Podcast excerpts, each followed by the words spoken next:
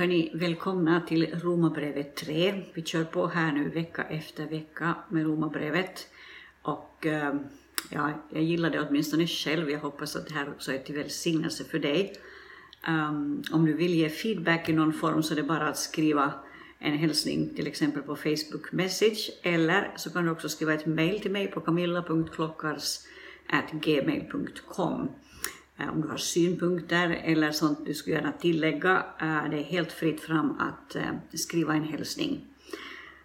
Bibeln är ju på det sättet fascinerande att man ser aldrig allt när man läser den en gång, utan man kan återkomma till samma text gång efter annan och det hittas alltid nya grejer där.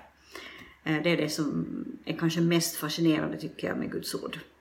Idag har vi alltså Romarbrevet 3 framför oss och eh, jag nämnde förra gången eh, om, ja, eh, om människor som har blivit berörda av Romarbrevet, eller var det den första gången kanske som jag nämnde det.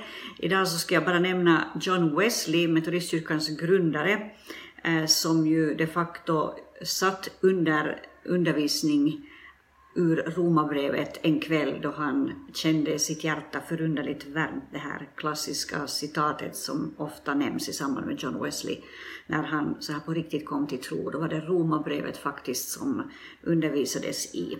John Wesley har en hel del um, intressanta uh, och bra principer. Han var ju en väldigt principfast man uh, och det är väldigt intressant att läsa om honom. Eh, och eh, jag har tänkt eh, dels dela med er här i början, det har ingenting med romabrevet nu att göra, men dela med er hans system som han hade för att dela in människor i olika grupper för att människor faktiskt skulle växa i tron. Det var ju det som var det fascinerande att när metodistkyrkans grundare, när han gick hem till Herren så fanns det faktiskt Eh, en, en stor skara människor som var berörda och som fortsatte arbetet på olika sätt. Och eh, jag har hittat följande information, alltså Wesley eh, försåg människor med fem olika typer av grupper eh, som, en, som ett resultat av att de hade berörts av hans förkunnelse. Eh, för det första så fanns det det som på engelska kallas för society, eh, det vi kunde kalla församlingen idag. Det var alltså en sammankomst för intresserade människor. Eh, och det stod i den här informationen jag hittade att man till och med hade biljetter, inte att man sålde biljetter, men att man skulle se till att man hade en biljett och som man fick förnyad om, om det fanns en, en tillväxt i tron att hänvisa till. Eh, och som någon av klassledarna kunde hänvisa till att den här människan är faktiskt seriös, med andra ord. Så fanns det klassmötet, en liten grupp på 10-12 medlemmar som hade gått in för att följa Jesus i deras eh, dagliga liv. Och det här var, eh, klassmötet var inte frivilligt utan det blev man liksom tilldelat. Varje, varje människa som hade gått med i det här Society, som jag nämnde om först, så fick också plats i en specifik sån här klass. Så fanns det någonting som hette band, alltså det var ett mindre, en mindre grupp av människor som hade gått in för att fördjupa sig i sin andlighet, män eller kvinnor, gifta eller ogifta, unga, gamla. Och det var alltså homogena grupper som hade gått in, där människor hade gått in för att fördjupas i um, sin andlighet. Uh, och så fanns det Select Society, en sån här elitgrupp av människor som tränades för att bli ledare. Och så fanns det någonting som hette Penitent Band, alltså a group for those trying to overcome all of their sinful habits. Alltså en grupp av människor som verkligen jobbade på att bli fria från sina syndiga vanor och arbeta mot fullkomlighet. Eh, och, och med fullkomlighet så menar man eh, Guds kärlek Eh, ett, ett, en, en kärlek till Gud och en kärlek till grannen eller till, till, eh, till människor. Um, och um, ja, det var de här fem grupperna. John Wesley hade också en sån här eh, hade en hel del intressanta regler som han fram, framställde. Han hade såna här general rules, alltså allmänna regler som inkluderade följande, jag har sju regler här. Börja och avsluta varje dag med Gud. Eh, sov inte omåttligt. Det var den första regeln. Den andra regeln var employ all spare hours in religion as able. Alltså, all ledig tid du har så ska du sätta på tron. För det tredje så ska man undvika människor som har druckit och eh, människor som är beskäftiga. Avoid drunkards and busybodies. Eh, den fjärde regeln var Never on any account pass a day without setting aside at least an hour for devotion. Låt inte en dag gå förbi utan att du sätter åtminstone en timme i eh, andakt, till andakt. Eh, nummer fem, avoid all manner of passion, alltså undvik alla former av felaktig passion. In every act reflect on the end. Sjätte regeln var alltså att i allt du gör så ska du reflektera över slutet. Eh, för det sjunde så säger han begin every important work with prayer. Börja allt viktigt arbete med bön. Och då har vi tittat lite på Wesley som alltså var starkt berörd av bland annat Romarbrevet. Han var nog berörd av mycket annat också. Men då ska vi läsa Romarbrevet 3 och gå in i den um, texten direkt. Det står så här, och jag läser Romarbrevet 3. Vilket företräde har då judarna, eller vilken nytta har de av omskärelsen? Ett stort företräde på alla sätt. Först och främst att Guds ord har anförtrotts dem.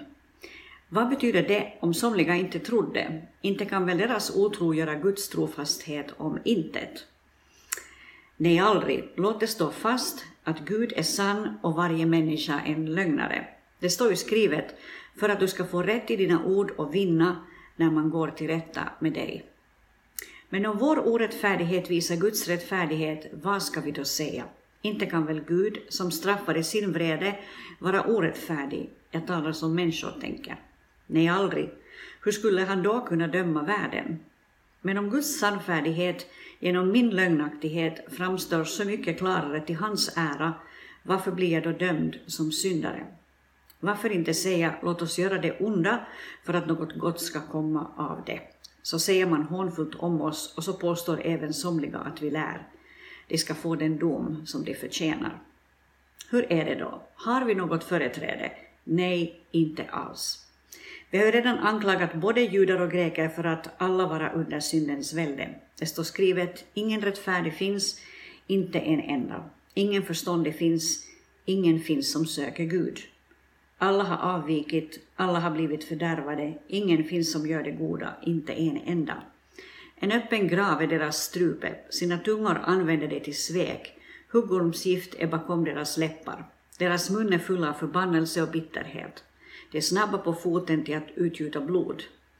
Förödelse och elände råder på deras vägar och fridens väg känner de inte. De har inte gudsfruktan inför sina ögon.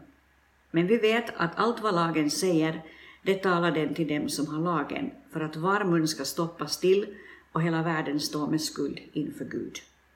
Ty ingen människa förklaras rättfärdig inför honom genom laggärningar, genom lagen ges insikt om synd. Men nu har utan lagen en rättfärdighet från Gud blivit uppenbarad, en som lagen och profeterna vittnar om, en rättfärdighet från Gud genom tro på Jesus Kristus för alla som tror. Ty här finns ingen skillnad, alla har syndat och saknar härligheten från Gud. Och det står som rättfärdiga utan att ha förtjänat det av hans nåd därför att Kristus Jesus har friköpt dem. Honom har Gud genom hans blod ställt fram som en nådastol att tas emot genom tron. Så ville han visa sin rättfärdighet eftersom han hade lämnat ostraffade de synder som förut hade blivit begångna under tiden för Guds tålamod. I den tid som nu är ville han visa sin rättfärdighet, att han själv är rättfärdig när han förklarar den rättfärdig som tror på Jesus. Men vad kan vi då berömma oss av? Allt beröm är uteslutet. Genom vilken regel? Genom gärningarnas? Nej, genom trons regel. Vi hävdar att människan förklaras rättfärdig genom tro utan laggärningar. Eller är Gud endast judarnas Gud?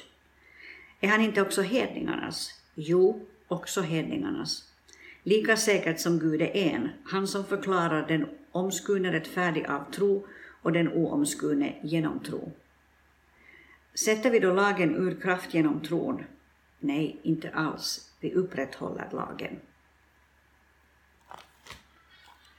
Paulus börjar den här texten genom att tala om det judiska folkets företräde. Han är ju själv jude. Han talar om det judiska folkets företräde och konstaterar att Guds ord anförtroddes dem. Han säger vilken, vilken företräde har då judarna? Och så säger han ett stort företräde på allt sätt. Först och främst att Guds ord har anförtrotts dem. Eh, I kapitel 9 i samma brev, alltså i Romarbrevet, så understryker han ännu mer vilket stort företräde judarna har. Jag ska bara ta det alldeles snabbt, det står så här i vers 4 och 5. De är israeliter, de har barnaskapet och härligheten, förbunden och lagen, tempelgudstjänsten och löftena. De har fäderna och från dem har Kristus kommit som människa, han som är över allting. Gud prisad i evighet. Amen. Så Paulus räknar upp här allt det som det judiska folket har, eh, som hedningarna inte har, eh, sådana här rikedomar som Gud har gett dem i och med utkårelsen.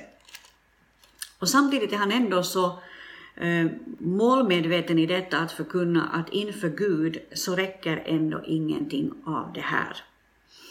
Eh, men anyway, han, han understryker vad de, har, vad de har fått i och genom Gud. De har en stor fördel i bakgrunden, säger han. Eh, och det finns många andra bibelord, eh, till exempel femte Moseboken 4, 28, som understryker det judiska folkets speciella kallelse inför Gud. Och jag ska ta det alldeles snabbt. Femte Moseboken 4.28 där det står så här. Ty finns det något annat stort folk som har gudar som är så nära det som Herren, vår Gud, är nära oss, så ofta vi åkallar honom?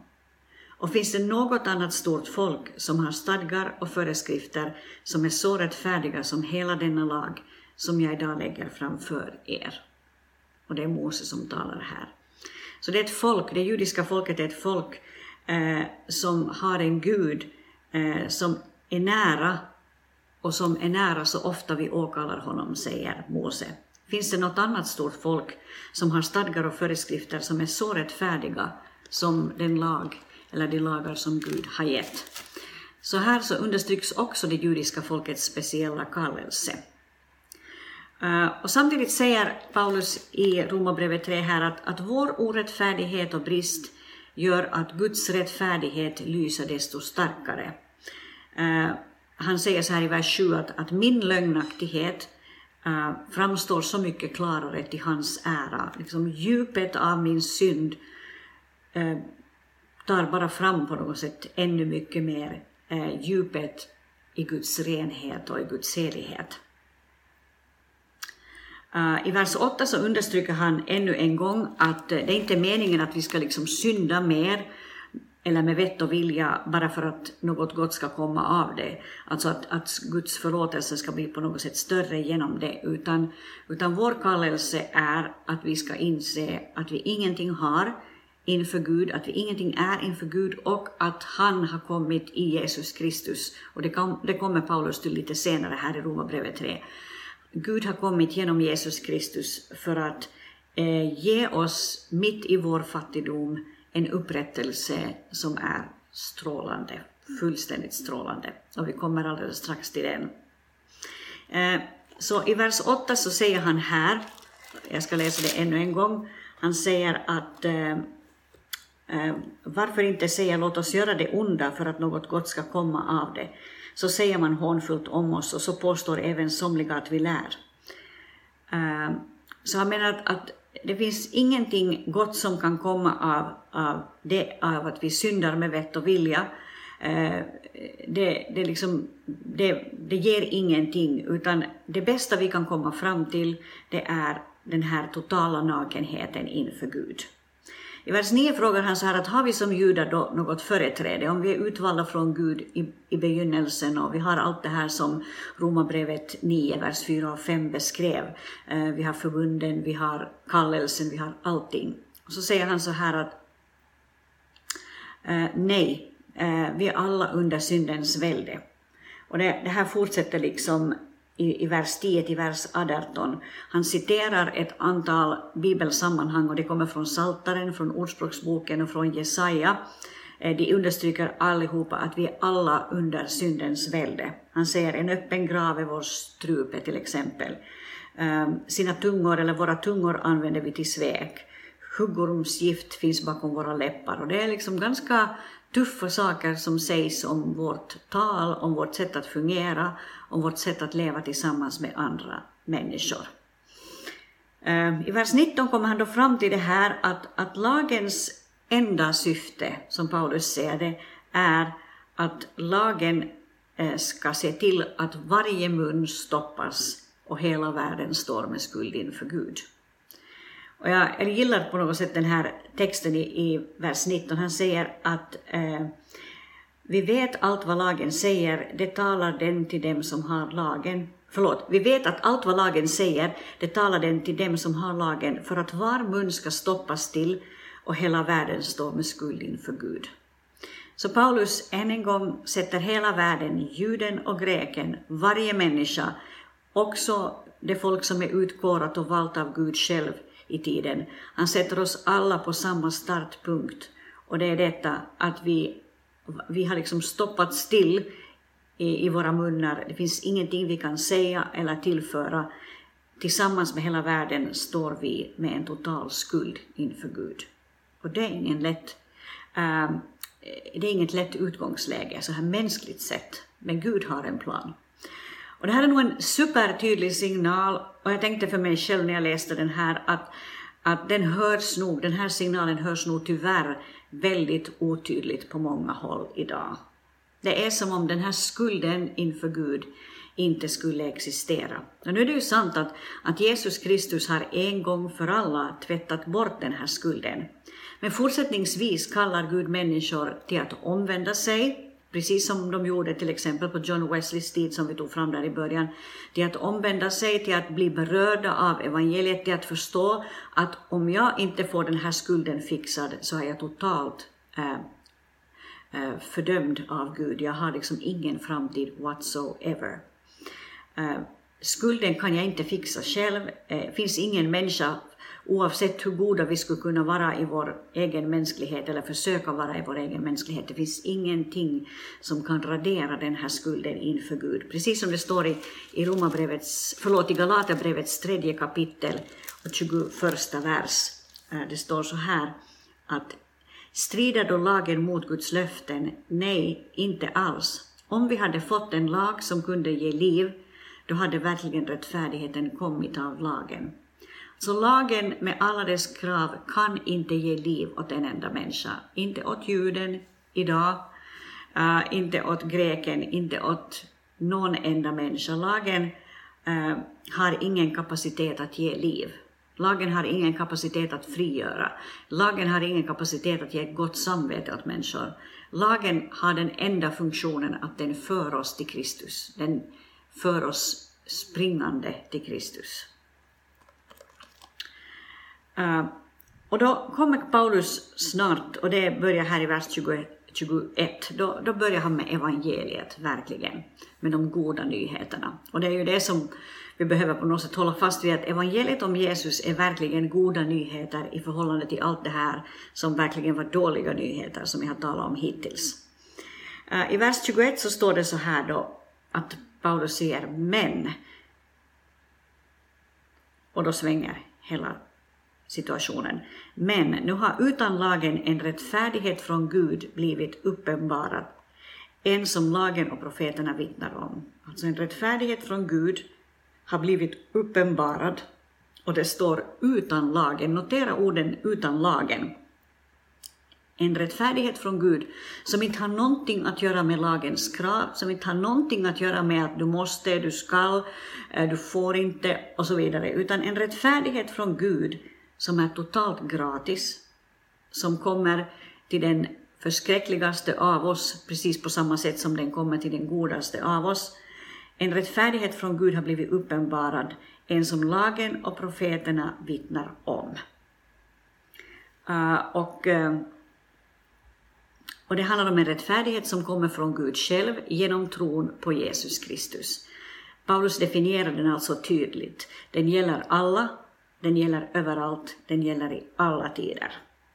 Och han säger så här att eh, alla har syndat, vers 23, och alla saknar härligheten från Gud. om vi tappar bort det här i vår evangelisation till exempel, så kommer inte evangeliet som budskap att make any sense. Det, det kommer inte att spela någon roll eller liksom ha någon funktion. Då blir det bara liksom lite tröst som vi kan komma med, att kom till Gud så ger han lite tröst, eller kom till Gud, han älskar dig. Eh, vårt stora trumfkort som kristna är detta, att alla människor har syndat och varje människa kommer en dag att stå inför Guds dom. Och vårt enda hopp är att vi har satt vår tro till den härlighet som kommer från Gud själv, till den försoning och den förlåtelse som kommer från Gud själv. Och då säger Paulus så här att ja, alla har syndat och saknar härligheten från Gud och de står som rättfärdiga utan att ha förtjänat det av hans nåd, därför att Kristus Jesus har friköpt dem. Så Kristus Jesus eh, har friköpt oss, friköpt varje människa Alltså köpa betyder tagit åt sig fullständigt, alltså plockat någon från, ett, från en mark till en annan, alltså från en grund till en annan. Uh, och uh, och det, efter det så står vi som rättfärdiga, står det här. Vi står som rättfärdiga utan att ha förtjänat det. Och det betyder, uh, för det första, vi står. Det, det är liksom ett bra utgångsläge vi är, inte, vi är inte på något sätt i någon slags ihopkastad hög, utan vi står rakryggade och med kraft i den rättfärdighet som Jesus Kristus har köpt åt oss. Och det här tror jag är minst lika viktigt att, att upptäcka som det är att upptäcka att utan Jesus är jag förlorad. Jag tror att det finns ganska många kristna som lever i någon slags sån här grumligt grått land däremellan, där man nog på något sätt har förstått att Jesus är min för, förlåtelse, men man har inte kommit igenom till det här att man står med glädje som rättfärdig. Man står utan dåligt samvete. Man står med en säkerhet som gör att om man skulle dö ikväll så behöver man inte bli nervös att hur ska det här nu gå? Utan tvärtom så har man en säkerhet i kroppen därför att man vet att min rättfärdighet och min framtid den är i Guds händer. Han har köpt mig utan att jag har förtjänat det, utan att jag kan göra någonting för det. Han har placerat mig på ett nytt utgångsläge. Vi är köpta ut ur synden, ut ur lagen, ut ur alltihopa. Och det är Jesus som har gjort det. Och så säger Paulus vidare så här att honom, alltså Jesus, har Gud genom hans blod ställt fram som en nådastol att tas emot genom tron. Han använder alltså ett begrepp från Gamla testamentet, en nådastol. Eh, ord, eh, ordagrant så är det ett soningsställe eller försoningsställe som det här ordet betyder. Mercy seat på engelska. Om du har hört en sång I'm running, I'm running, I'm running to the mercy seat. Så handlar det just om det här att vi har fått en mercy seat, en en nådastol, ett soningsställe att springa till. Eh, och det står så här i Gamla Testamentet om det här, om den förebild som finns i Gamla Testamentet till den nådastol som Jesus är. Eh, I Gamla Testamentet som då bara liksom är en, hur ska vi säga, mm, en skugga av det som skulle komma, så står det så här i Andra Moseboken 25, vers 17 till 22 om denna nådastol. nådastol. Du ska göra en nådastol av rent guld, två och en halv aln lång och en och en halv aln bred. Och du ska göra två keruber av guld. I hamrat arbete ska du göra dem och sätta dem vid de båda ändarna av nådastolen. Sätt en kerub vid ena änden och en vid den andra. I ett stycke med nådastolen ska ni göra keruberna vid dess båda ändar. Keruberna ska breda ut sina vingar uppåt så att de övertäcker nådastolen med sina vingar. Deras ansikten ska vara vända mot varann. Mot nådastolen ska kerubernas ansikten vara vända. Du ska sätta nådastolen ovanpå arken och i arken ska du lägga vittnesbördet som jag ska ge dig. Där ska jag göra mig känd för dig. Notera på nådastolen. Där ska jag göra mig känd för dig. Och från nådastolen, från platsen mellan de båda keruberna som står på vittnesbördets ark, ska jag tala med dig om allt som jag genom dig ska befalla Israels barn. Så nådastolen blev en plats av försoning och det blev en plats av uppenbarelse också för Mose här. På samma sätt, i Jesus Kristus har vi fått en nådastol, säger Paulus här, eh, det står ju så här i Romarbrevet 3, han säger honom, alltså Kristus, har Gud um, genom hans blod ställt fram som en nådastol att tas emot genom tron. Alltså nådastolen, denna plats där Gud uppenbarar sig, denna plats av försoning, där Gud reser upp mig så att jag står, det är liksom min fysiska ställning, jag står som rättfärdig, det är fortfarande uppenbarelseplatsen där Jesus vill tala till oss dagligen. Platsen där Jesus försonar och renar oss dagligen och liksom tvättar våra liv dagligen. Och på det här sättet säger eh, Romarbrevet 3, på det här sättet så visar Gud sin rättfärdighet. Och han säger, vad kan vi då berömma oss av? Vers 27, ingenting. Allt beröm är uteslutet.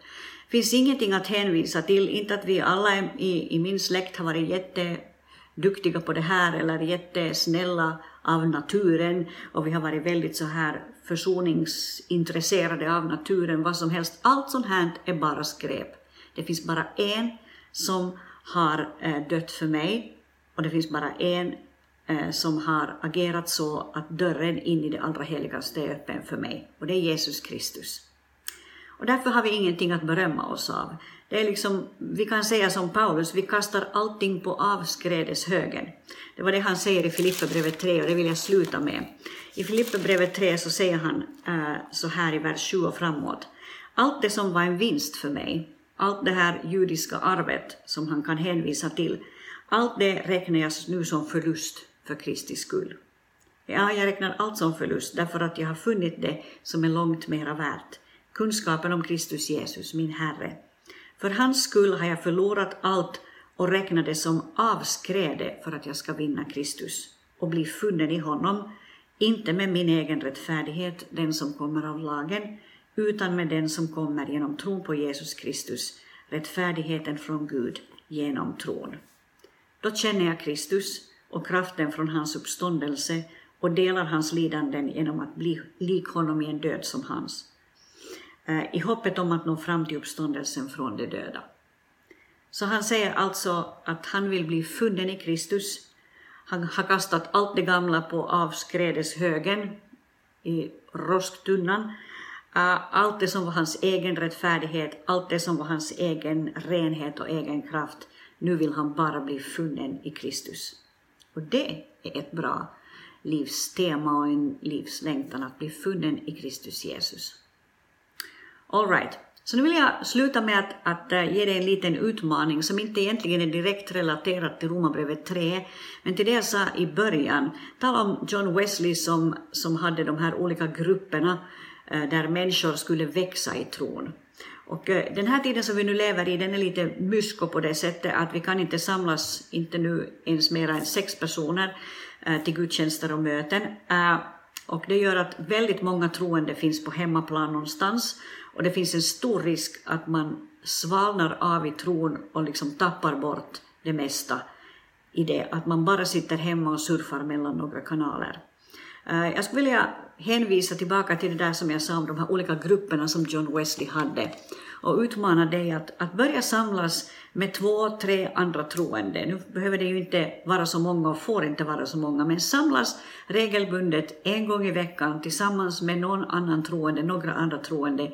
Be tillsammans, läs Guds ord tillsammans, uh, lyssna på undervisning tillsammans, diskutera undervisningen tillsammans. Bli seriös med din tro. Därför att vi lever i tuffa tider och man klarar sig inte bara på det att man gick i kyrkan någon gång för x antal månader sen eller x antal år sen. Du behöver en tro som lever och som är verksam och som är stark. Vi kan ha tuffa tider framför oss, det här är ingen profetia, jag bara säger det rakt av. Vi kan ha tuffa tider framför oss och då behöver man ha en egen tro som funkar. Så take it seriously och så ses vi nästa vecka. Ha det bra!